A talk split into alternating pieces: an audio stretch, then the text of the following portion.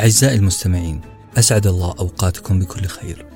حان الآن موعد موسمنا الجديد بحسب التوقيت المعرفي ساندويتش ورقي. وعلى السادة المتأخرين أو المترددين مراعاة سرعة مضي الزمن. يكاد يكون الوقت هو الشيء الوحيد الذي يوزع بين الناس بالتساوي إلا أن هناك من يتقن خلق وقت إضافي. هناك من يقتنص ما يسمى بالجاب هابتس وهي الفجوات بين العادات يعني الوقت اللي نقضيه في السيارة في القطار وفي انتظار دورنا عند الحلاق. وهناك من استطاع استغلال أوتوماتيكية العادات نفسها. اقتنص وقت خلال ممارسة نشاطه عاداته through habits. هذا الوقت والذي قد نحسبه قصيرا.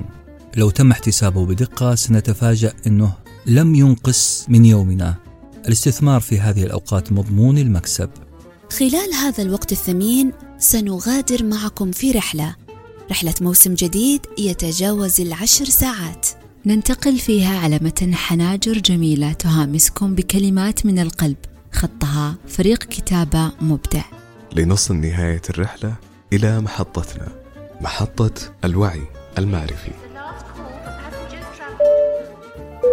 حنبدأ رحلتنا بزيارة لأرض التسويق. التسويق الحديث. حنتعرف فيها سويا كيف نقدم أفكارنا بشكل معدي. نهبط بعدها أرض اليونان ونستعيد أحداث رواية كابتن كاروليس ماندولين. نقابل فيها واحد من أجمل الاقتباسات الرومانسية في الآداب الأجنبية.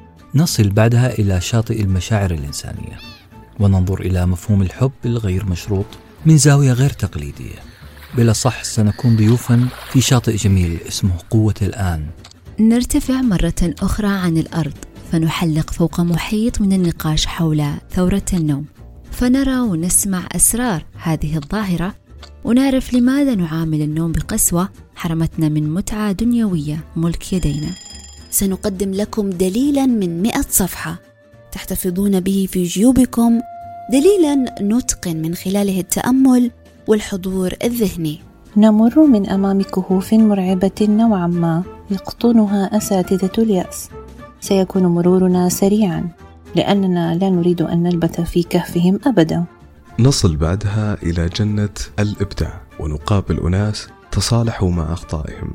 بل اعتبروا هذا التصالح شرطا أساسيا للنجاح. من خلال حلقة الصبي بكسار. وأخيرا ستعيشون جدل الأصدقاء حول قضية هامة تخص الحوار الناجح في الإعلام والمجتمع.